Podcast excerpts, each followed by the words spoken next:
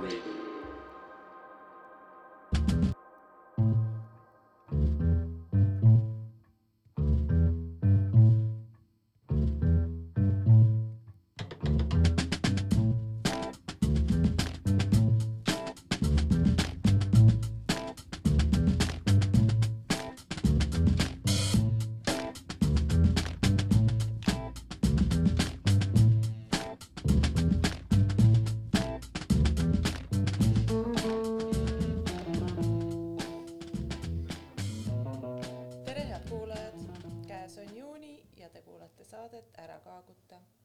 Stuudios on Viisik ehk feministeeriumi toimetajad Aet Kuusik ja Kadi Viik. on Pride'i nädal ja tänane saade on tervikuna pühendatud LGBT teemadele. räägime õiguskaitsest ja kogukonna vajadustest, kväärikultuurist.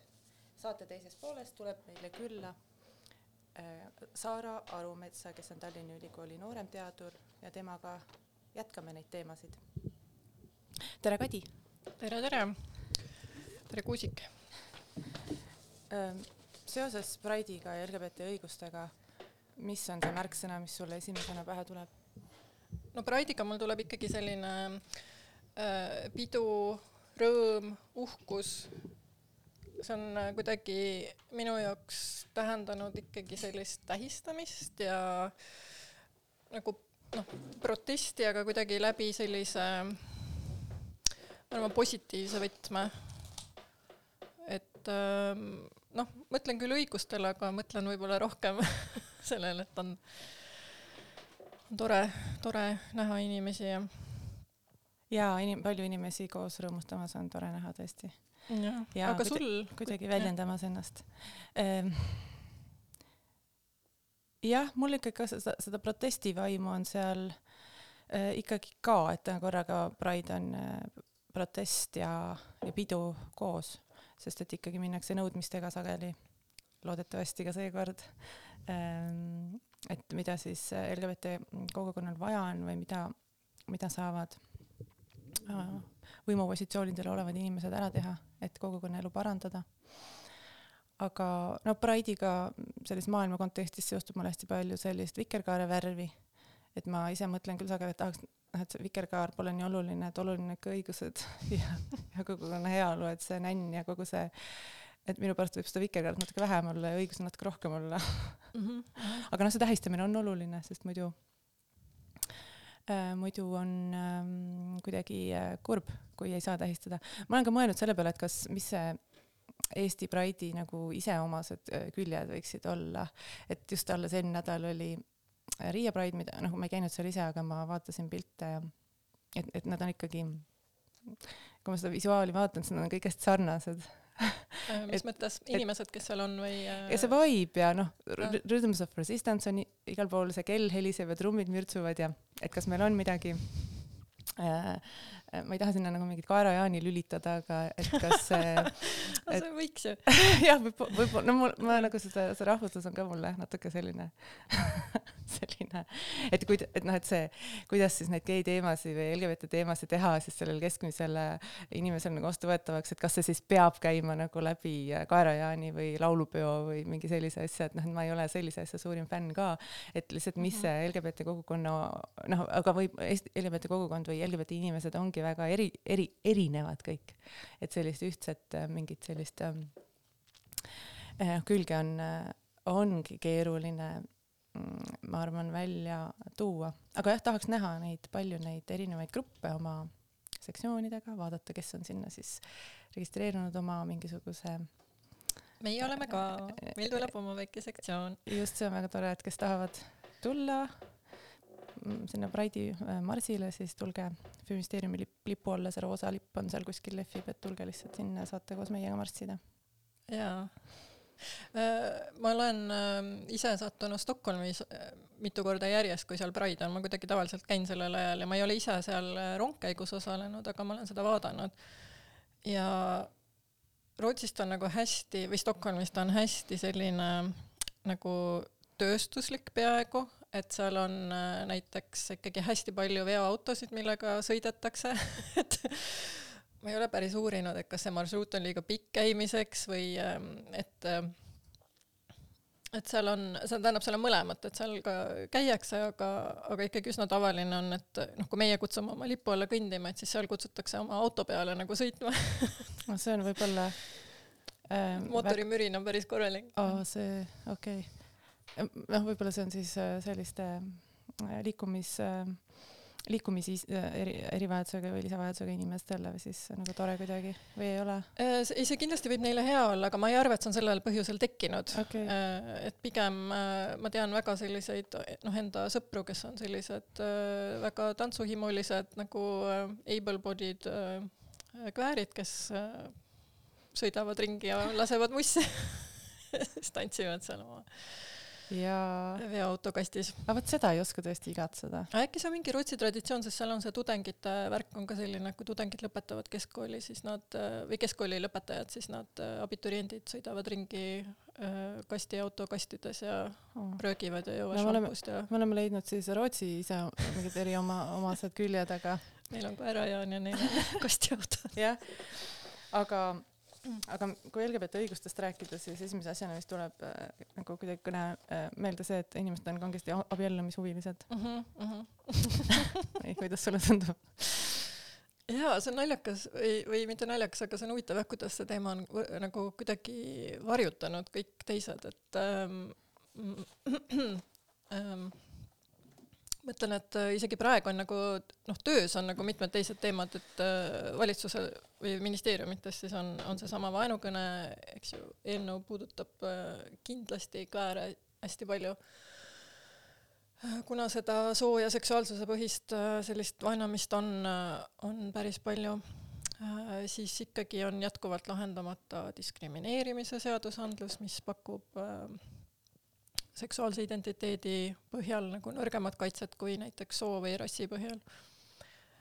et äh, seal on diskrimineerimine keelatud peamiselt tööelus äh,, aga näiteks mitte kaupade-teenuste puhul, et äh, noh, seal on selles mõttes, et põhiseadus keelab diskrimineerimise laiemalt, kuigi põhiseadus seksuaalset äh, orientatsiooni ei maini üldse aga et noh, ma kujutan ette, et sul on jumet küll nagu minna kohtusse, kui keegi keelub sind, keeldub teenindamast või sa ei saa seda teenust, mida äh, teised saaksid. aga, aga seadus seda, nagu see eriseadus, äh, mis seda sisustab praegu, seda ei tee, nii et tegelikult seal on nagu selliseid õiguslikke asju veel nagu, mida, mis ma arvan, on kogukonnale olulised.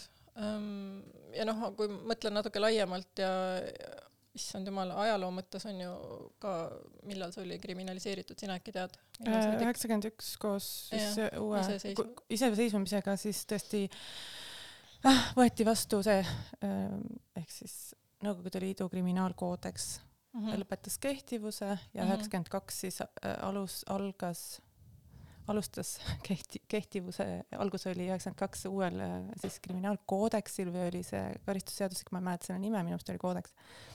ja seal siis oli seda enam, seda punkti enam ei olnud ja see on ju Eestis, aga noh, reisid äh, väljapoole Eesti piire, et siis on ju päris palju riike, kus on veel kriminaliseeritud, ma just mõtlen, et enamus riigid, kus mina olen valimisvaatlejana töötanud, et seal on kriminaliseeritud, et tegelikult äh, parem on siis äh, homoseksualismi mitte praktiseerida seal kohapeal, et muidu tõesti nagu ma ei mäleta, mis see termin oli, aga jah. eks me sõnadest räägime ka pärast. aga mis nüüd veel on siis äh, Äh, mis need veel need õiguskaitse küsimused on, mis võiksid LGBT kogukonda puudutada just nimelt Eestis ja noh, rääkida nagu LGBT kogukonnast on ka ja sa kasutad hästi vabalt siin sõna kväärid onju mm, -hmm. et äh, et need noh, mina oma uuringutes, olles inimene, kes uurib kvääri kogukonda, et väga ja siis LGBT kogukonda, seksuaal- ja soovähemuste kogukonda või inimesi, et mul on väga-väga raske üldse võtta kokku seda, mida ma uurin või keda ma uurin, et siis inimesed ise, no ma pean oma kuidagi defineerima siis, kuidas ma seda kirja panen või kuidas ma sellest mõtlen või kuidas on kõige otstarbekam seda teha, aga ega siis inimesed äh,, kelle praktikaid võidakse pidada nagu homoseksuaalseteks või biseksuaalseteks või midagi sellist, et ega nad ei pruugi ennast kuidagi näha LGBT inimestena või veel vähem nagu kvääridena või, või seksuaalvähemustena või üldse mingi vähemuse äh, liikmetena või, või kuidagi noh, väga raske on äh, näppu panna peale sellele grupile. et kes see siis on ja, ja äh, mis on siis need alused mis, millele siis inimene peab vastama, et ta, et ta nii-öelda sellesse kogukonda või gruppi kuuluks, et see kogukonna sõna jah, natuke on selline, mis justkui paneb ähm, ühte punti või tekitab sellised noh, nagu kasutatakse kogukonna tunde, mida noh, ei pruugi üldse nagu eksisteerida jaa, aga ma mõtlen, kogukonna mõiste ongi ju, panebki inimesi punti, kes, kellel ei ole võib-olla midagi ühist peale selle, et nad elavad samas külas näiteks või nad, ma ei tea, töötavad samas kollektiivis, et et neil ei pruugi midagi muud ühist olla, et see kogukonna mõiste ongi võib-olla natukene omapärane, et on, on nii see valitud kogukond kui see peale sunnitud kogukond. see, kus sa kuulud ükskõik, kas sa tahad või ei taha. jah.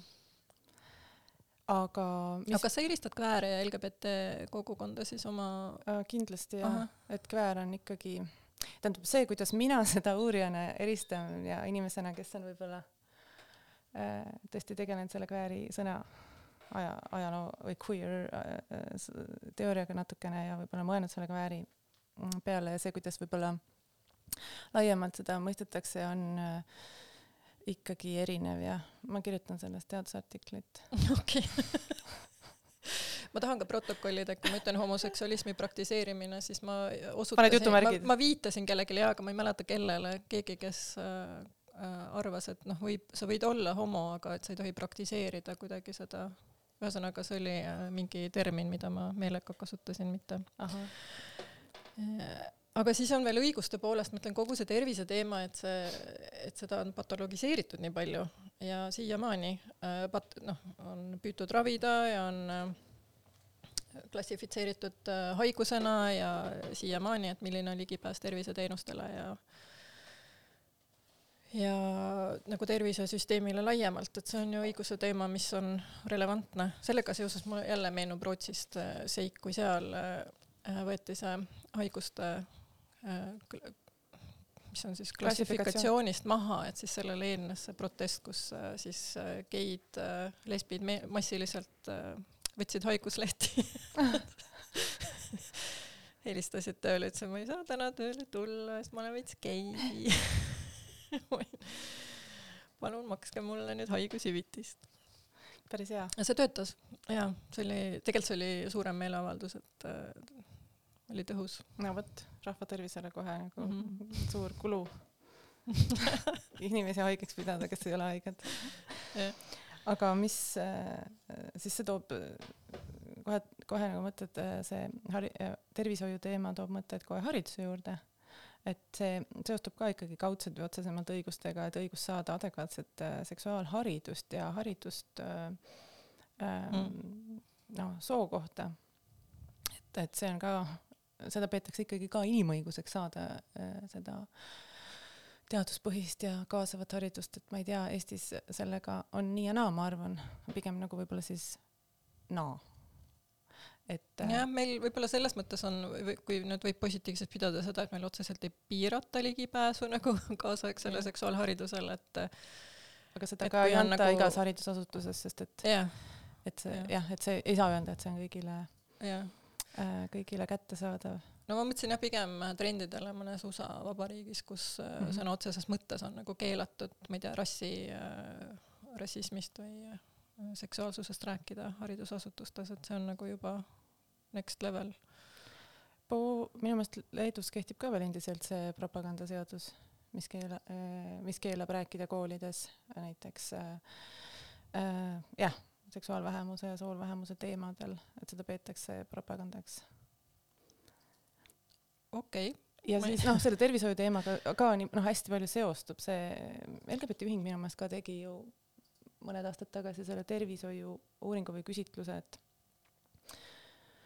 äh, inimeste, LGBT inimeste seas, et, et ja sealt tuli välja küll, palju, palju raskusi on inimestel üldse pöördumisega äh, arstiasutuste poole või meditsiiniasutuste poole, sest et nad nendest kas ei saada aru äh,, mis äh,, kes nad on või, või mis on nende vajadused ja paljud ka ei noh, ei, ei räägi ka seda otse, nad ei pea vajalikuks seda rääkida, sellepärast nad ei taha tegeleda selle lõputu hari-, haridustööga, et mis asi see siis on, mida ma sulle praegu ütlesin.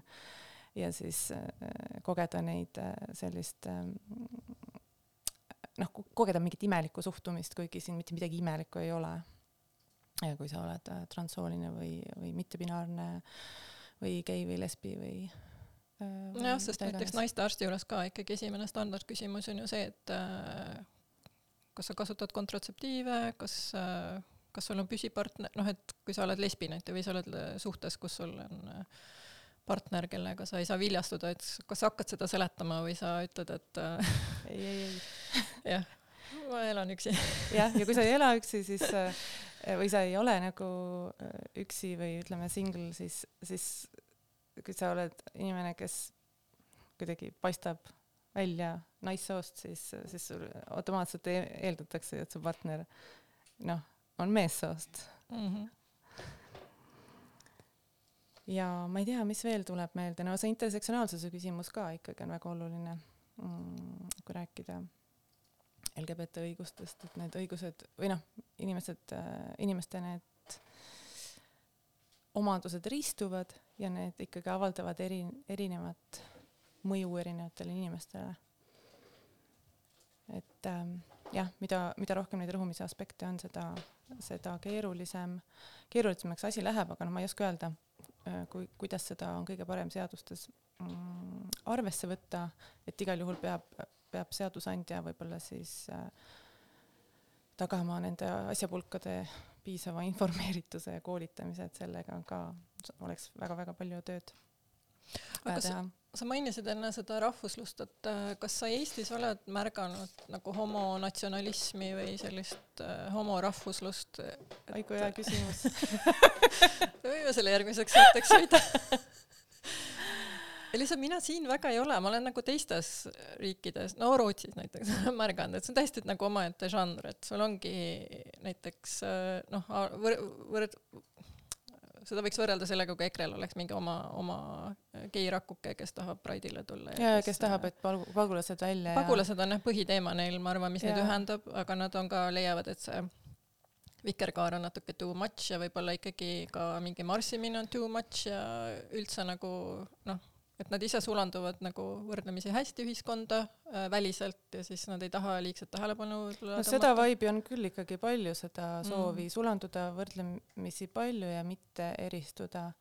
ja noh, meil oli ka siin diskussioon teemal, et kas LGBT või kväärikultuur on üldse olemas või on see nagu tavaline et kas seda üldse saab niimoodi esile tuua, et kõik on ju harilikud inimesed. üks inimene Wolfis küsis kas.... aga seda selles mõttes, kui sa küsid, et kas seda sellist ähm, noh ähm,, kogukonnasisesed inimesed on erinevad, on inimesi, kes tulevad Pride'ile, aga mitte kindlasti kõik ei poolda seda äh, üldse seda üritust või kuidagi enda esile tõstmist või üldse selle inimese seksuaalsuse ja soolisuse kuidagi eriti esile tõstmist, seda nimetatakse eriti esile tõstmiseks, kuigi noh, teisest küljest saab ju võtta seda kui inimloomuse äh, inimeseks olemise osa, millest tuleb nagu kõikidest teistest asjadestki rääkida, kuni meil on nendega nende küsimustega probleeme, siis tuleb noh, eriti aktiivselt sinna energiat panna ja kui probleemi ei ole, siis me saame lihtsalt tähistada neid äh, väga olulisi inimeseks olemise aspekte. et ähm, on ühte-teist, aga noh, eks me saame näha, kuhu meil see homonatsionalism äh, areneb, kas ta areneb, mul ei ole, mul ei ole tunnetust, et Eestis ei ole kuidagi rahvuslus oluline. Ükskõik mis ühiskonnakiis et on väga oluline mm. -hmm.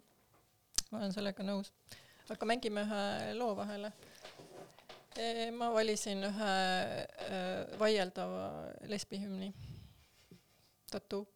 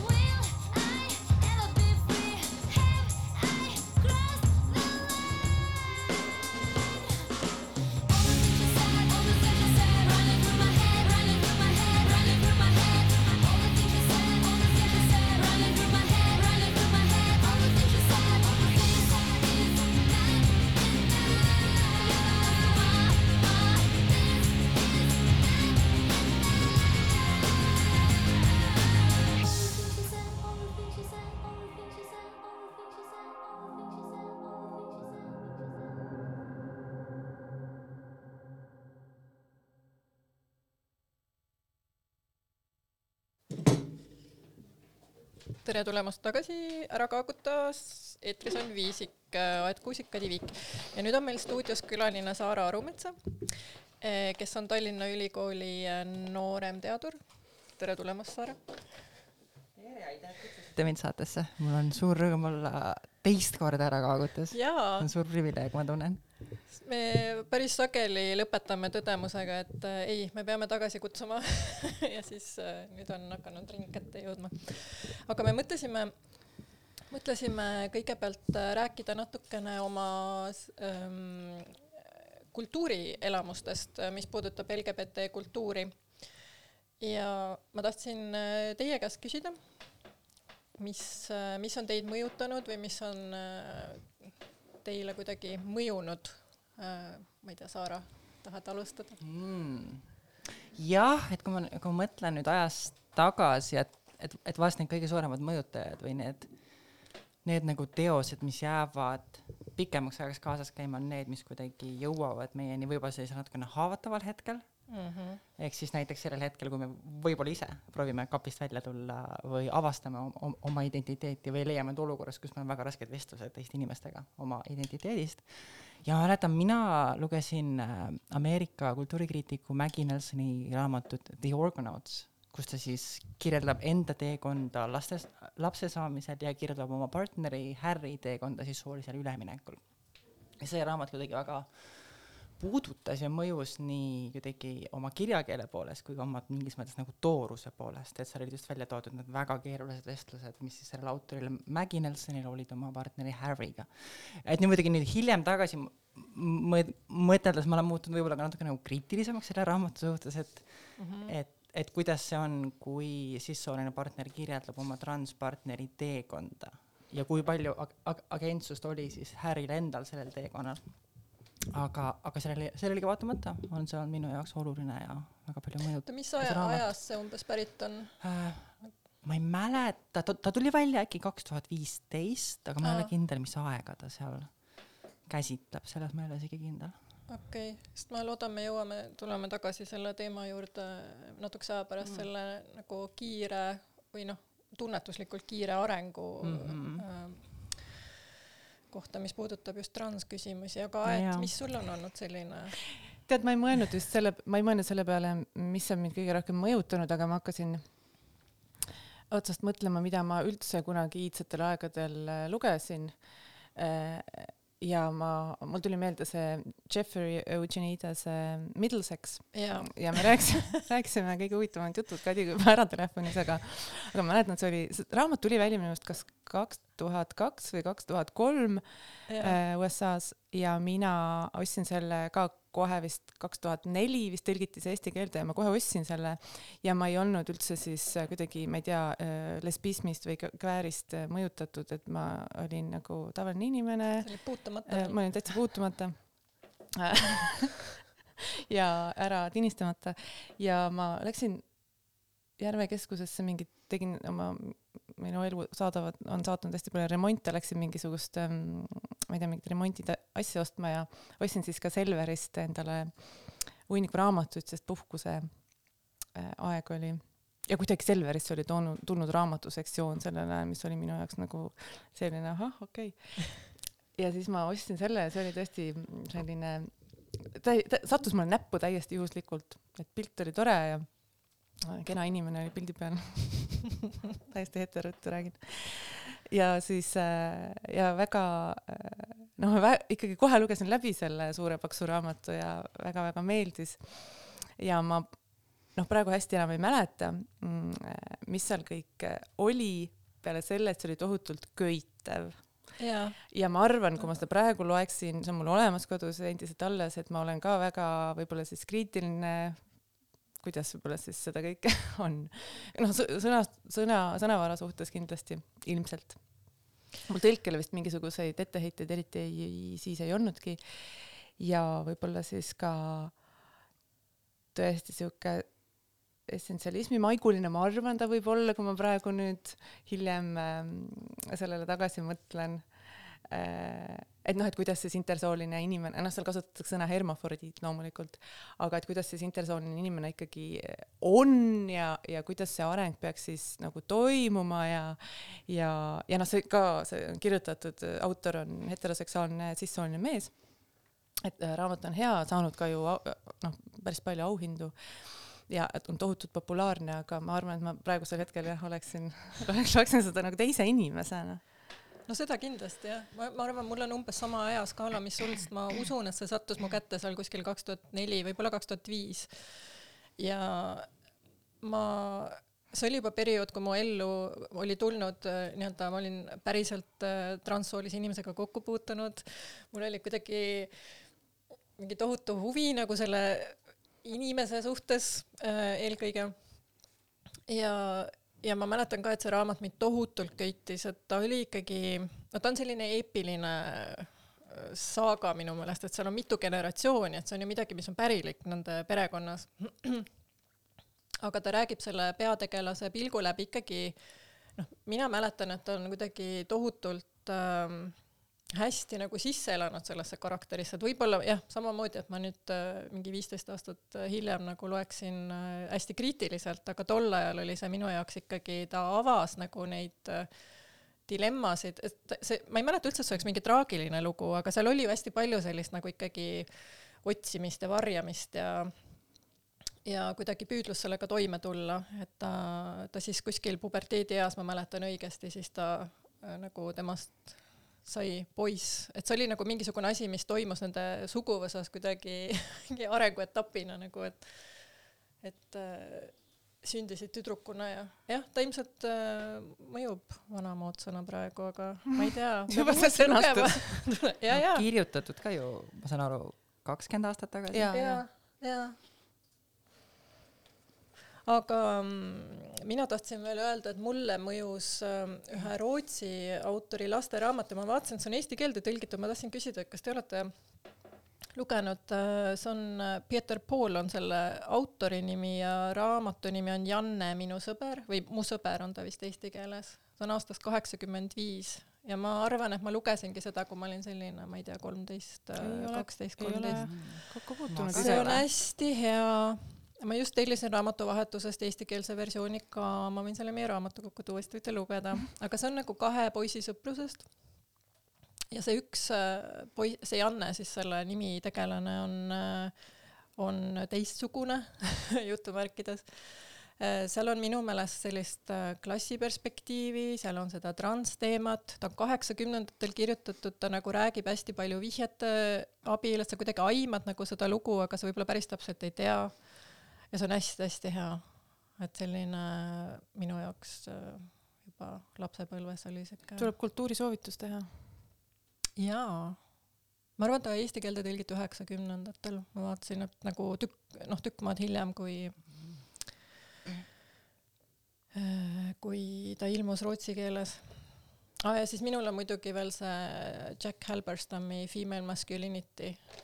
Või juba selle raamatu kaas oli. jaa, sama.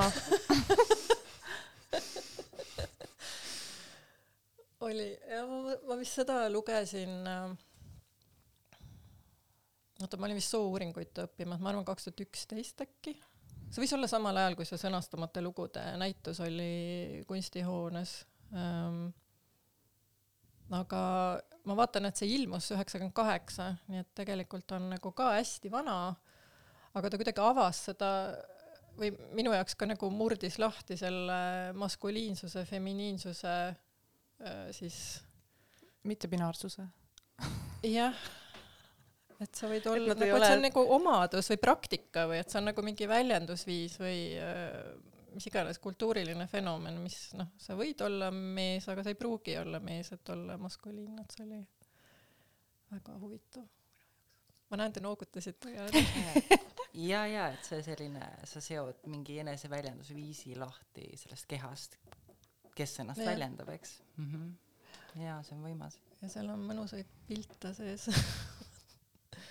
aga kas teil on veel midagi, mida te tahaksite no mainida? mina mõtlesin selle peale, et, et, et kui siin oli see, et kas on mingeid asju, mis on puudutanud, siis ma äh,, ma ootan ühte asja, mis mind puudutaks, et ma hiljuti vaatasin siin Kadriniko Pensiuse ja Re- Rebecca Põltsamäe lühifilmi treilerit Mm. siis Hooandjas mm Mhm. -hmm. ja nad praegu siis koguvad raha, et inimesed annaksid selle, selle lühifilmi tegemisele hoogu. ja, ja see ja, ja see tre- treiler oli nii lahe, see, see treiler üksinda juba puudutas, et on, et, et on siuke film Eesti kvääride ööelust, ajalooline dimensioon olin selle üks stsenarist. Ja et stsenaarisse selle, siis näed, et, et, et ongi nagu Eesti, Eesti kääridel teiste kääridega koos mm. -hmm. kvääridele mõeldud, nii et ma nagu, ma väga ootan, et see puudutaks mind veel enam ja loodan, et kuulajad lähevad jaa, ma, ma olen äh, nii tänulik, et sa selle minu eest ära tegid, sest tahtsin ka öelda, et Hooandjas on sellesama filmi tootmise, tootmise kampaania üleval. et äh, filmitootja on võlgades äh,. et ja et filmi lõpetada oleks ikkagi vaja kõigi, kõigi kõigi toetust, ükskõik kui suur või väike see ka ei oleks, sest film on tõesti hea, filmi teevad ainult no kogukonna liikmed, kogukonna liikmetele, aga see läheb ka Eesti Rahva Muuseumisse mm, ööelu näitusele, sest ta käsitleb eelkõige siis kvääride pidutsemist. täpselt õige koht Eesti Rahva Muuseumis. see on Eesti rahvas. See on Eesti rahva osa. ja oleme jah, selles mõttes me oleme sinna valitud ja see tuleb sinna, aga see on vaja enne valmis saada. Nende, on vaja see ära monteerida ja kõik need filmi tootmisega seotud äh, toimingud ära teha, aga nüüd me võiksimegi mängida selle ähm,, selle filmi, mis on Lillade õuduste öö äh,, selle tunnus või selle muusika, mille autor on siis äh,, äh, viisi autor on Kaisa Ling, esitaja on Kaisa Ling Thing ja suurepäraste sõnade autor on suurepärane Andreas Kalkun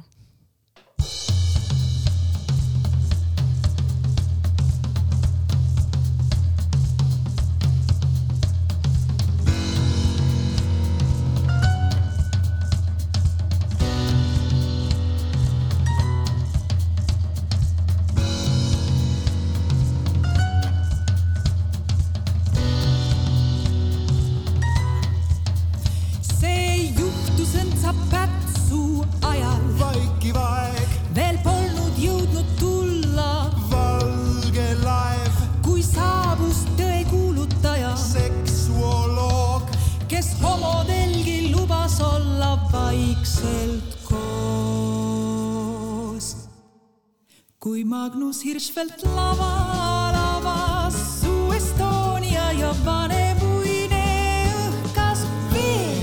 Ja Eesti rahva huvi oli nii suur, sest teemaks olid armastuse eksiteed ja seksualiteet ja kriminaliteet. Ja kurikalduvuslikudki huvid, ka kolmas sugupool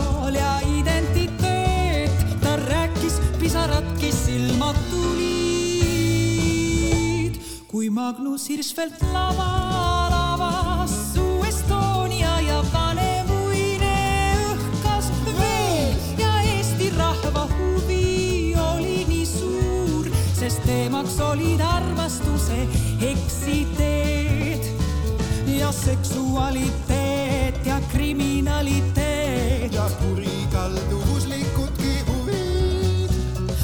Kolmas sugupool ja identiteet, ta rääkis, pisaradki silmad tulid. kui Magnus Hirschfeldt laval avas su Estonia ja vanemuine õhkas veel, veel, veel, veel, veel ja Eesti rahva huvi oli nii suur, sest teemaks olid armastuse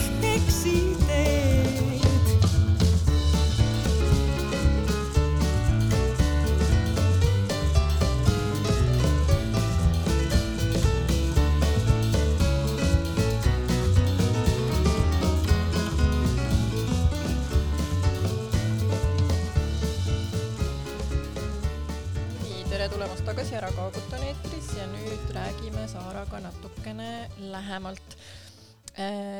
ma kõigepealt tahtsin küsida seda, et sa oled ise öelnud, et sa oled hästi tüdinenud äh, sõna või nagu väsinud sõnavarast rääkimas, rääkimisest, samas ei saa me sõnavarast üle ega ümber, ma ise märkasin ka enne, kuidas ma koperdasin ja kuidas Kuusik pööritas silmi, kui ma ütlesin homoseksualismi praktiseerimine.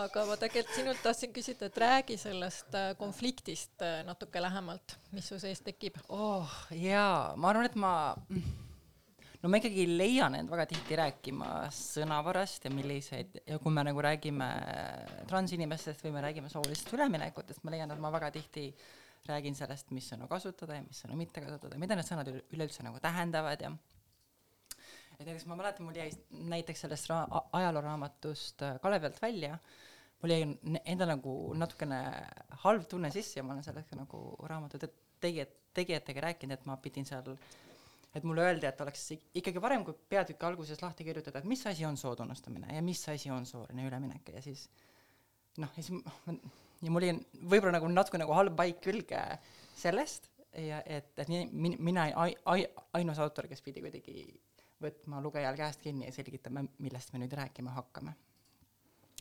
ja, ja ütleme, halb maik on ühel pool, aga teisel pool on ka mõistmine, et nojah, teistmoodi vist ei saagi, sest et lugejal on mm. vaja teada, mida need sõnad tähendavad, sest ta ei pruugi neid sõnu teada. aa, et sa feministeeriumis ka, me peame seda ühte infokasti ühest Mhm. artiklist teise kopeerima, et vahel on küll see, et võiks, kas ei ole juba selge?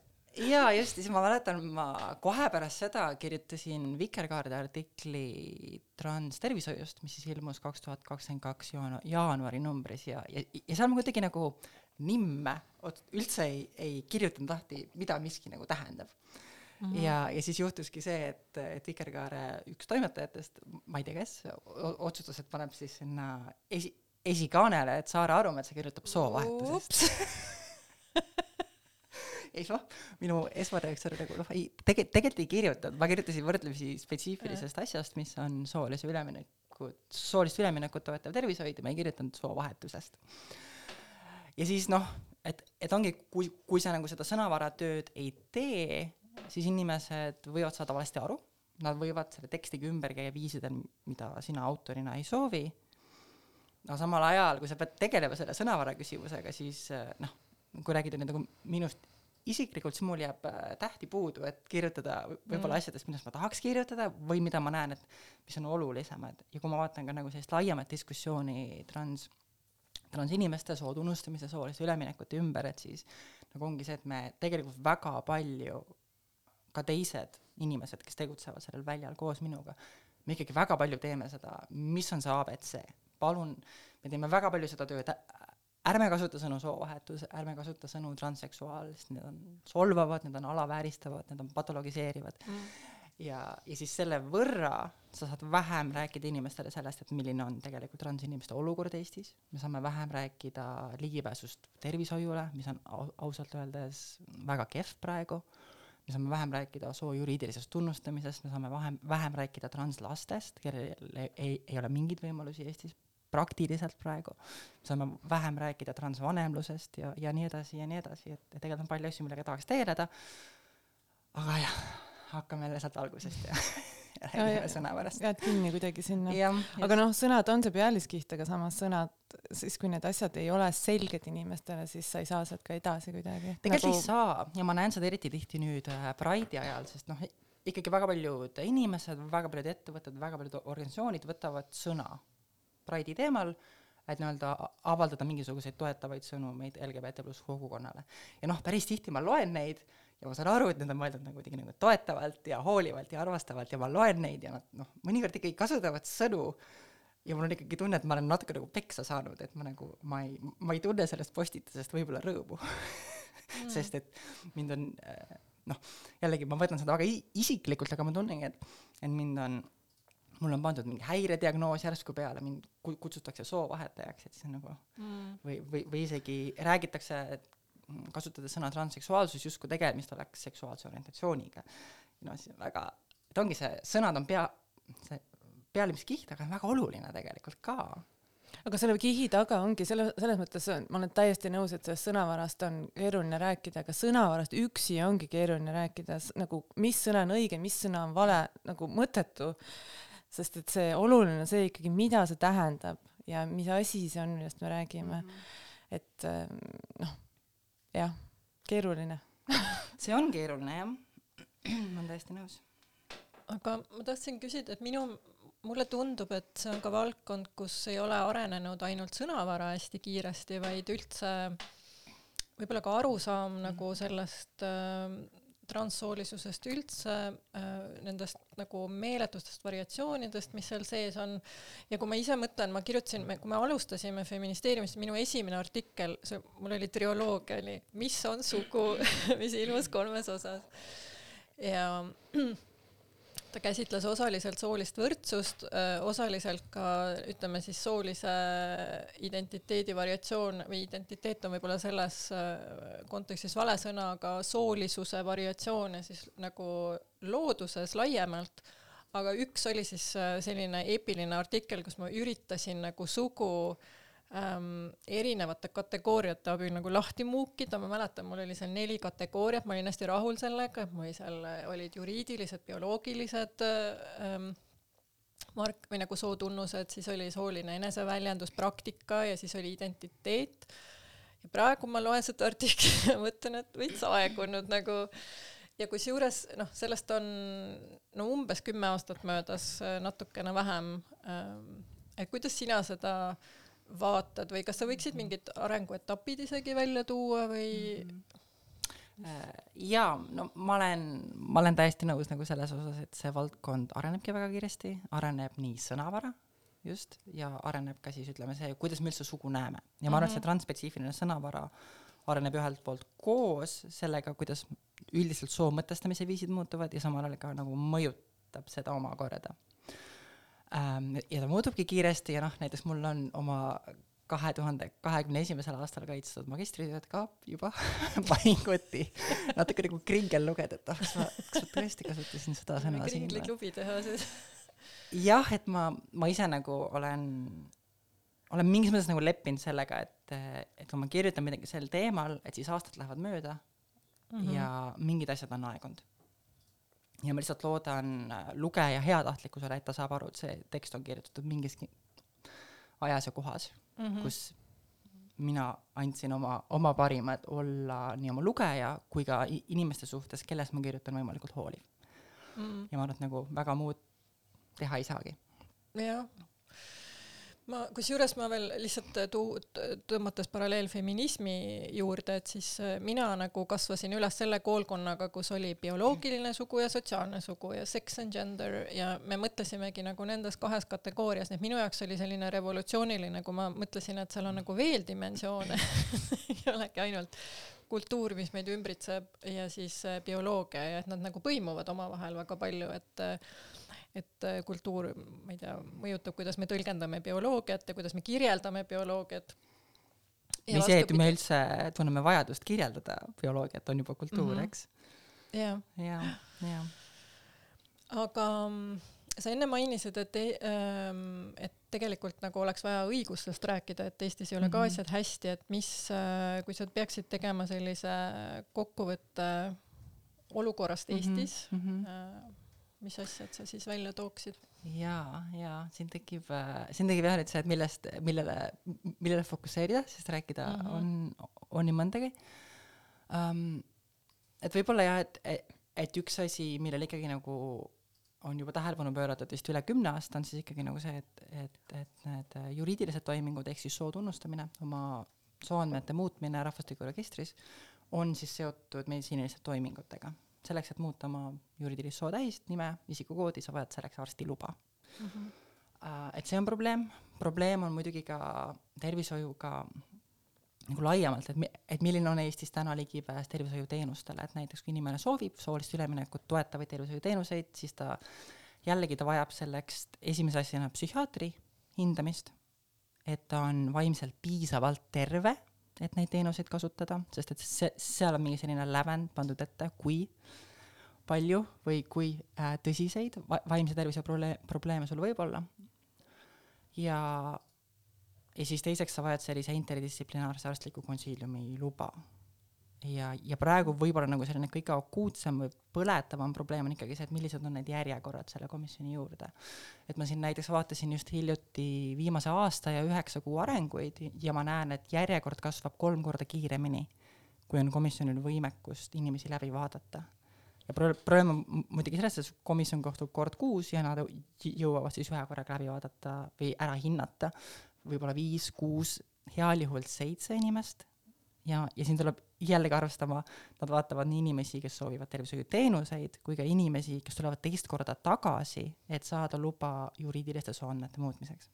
ehk siis seal on ka selline topeltkoormus, sest nad, sest inimesed, kes soovivad juriidilisi sooandmeid muutma, nad peavad käima kaks korda Mhm. mis oma, omakorda pikendab neid järjekordi, et nä- ja näiteks praegu ongi niimoodi, kui sa tahad saada sinna esmasesse konsultatsiooni, et saada luba tervishoiuteenusteks, siis ooteaeg on praegu umbes kuussada nelikümmend päeva.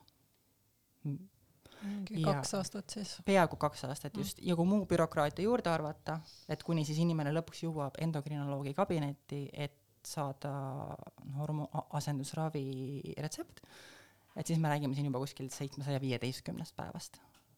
ja, ja siin ma just vaatasin seda Riigikontrolli auditi, auditit, kus, kus siis kirjeldatakse se- neid äh, sest, et see, et meil on ravijärjekorrad, see ei ole ju transspetsiifiline probleem, see tegelikult puudutab meid kõiki. et aga jah, see, seal oli siis välja toodud see, et, et need nii-öelda problemaatilisemad erialad, et järje, järjekord nende juurde on seal kuskil saja päeva juures, aga arstlikust transspetsiifilisest tervishoiust me räägime siin ikkagi kuus korda suurematest mm -hmm. numbritest. muidugi tuleb arvestada seda, et haiglad peidavad järjekordi sellega, et nad ei luba isegi registreerida aega, ehk siis neid noh, tegelikke numbreid me ei, me ei tea, eks, aga registreeritud numbrid näitavad kuuekordset vahet.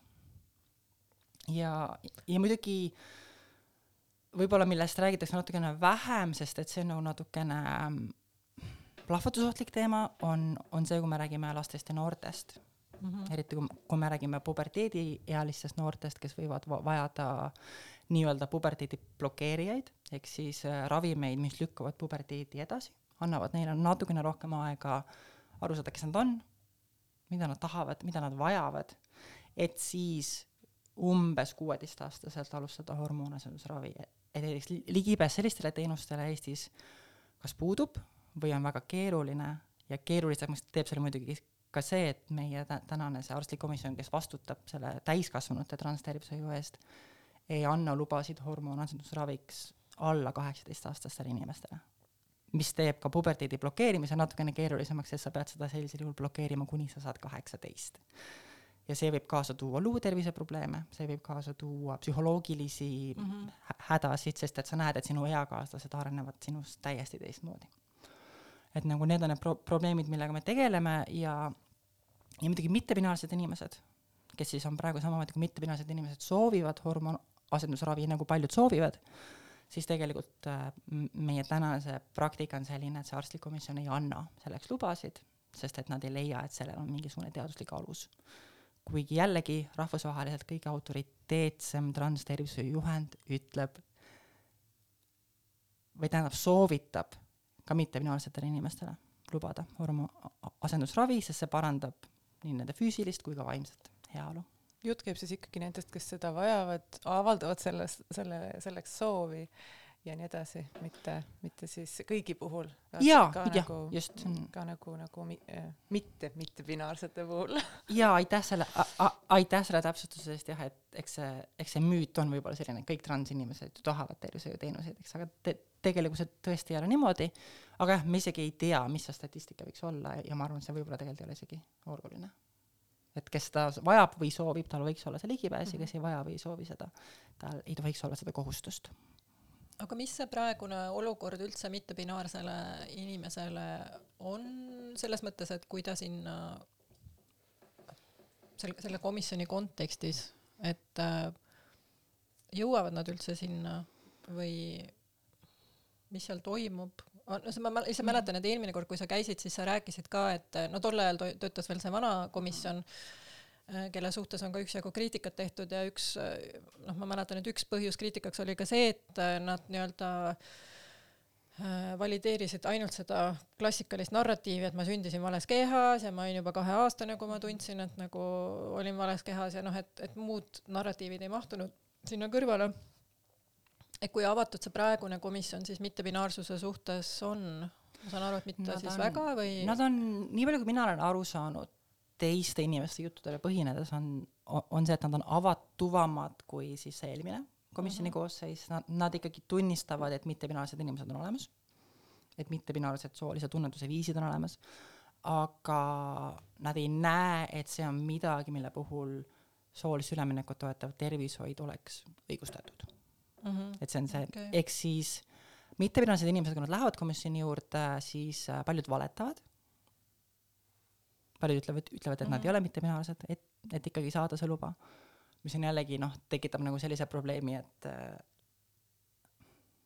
et kui sa lähed juba nagu ter- tervishoiutöötaja juurde mingisuguse äh, mure või olukorraga, kus sa tahad või sa vajad mingit ter- tervishoiuteenuseid, siis tegelikult oleks ju hea, kui sa saad oma tervishoiutöötajaga olla aus ja läbipaistev, sest et see vähendab väga paljusid äh, riske. ehk siis mittepinased inimesed on pandud olukorda, kus nad ei, ei saa seda teha. issand, ma oleks tahtnud, mul on veel nii palju küsimusi, ma täiesti kuidas see tahtsin aeg lendab jaa, ma ei saa aru, nüüd on neli minutit alles peame peame vaidlema selle üle, et kell on vale. otsi kokku tõmbama. Aga okei okay,, sa pead tagasi tulema siis. pooled asjad jäid küsimata praegu. aga sa valisid meile ühe sooviloo, palun äh, tutvusta seda ka enne, kui me jaa, see on, see on Ameerika indie-rock bändi Näo näol kahe tuhande kaheteistkümnendast aastast pärit lugu, see on ühelt albumilt, mis on minu jaoks väga oluline, sest et äh, ma ei oskagi seda nüüd äh, paari sekundiga lahti öelda, aga aga see te-, temaatika põhineb siis sellel, et äh, et see, kes me oleme, sõltub meie sotsiaalsetest äh, suhetest teistega ja, ja, ja kuidas siis see, kes me oleme äh, kuidas siis, kui, kui muutuvad meie sotsiaalsed suhted, muutume ka meie ja kui muutume meie, siis muutuvad ka meie sotsiaalsed suhted, ehk siis see on minu arvates väga ilus idee. ilus, tõesti ilus. aitäh, aitäh kuulamast ja näeme siis augustis. augustis ilmselt, tšutšu Frei.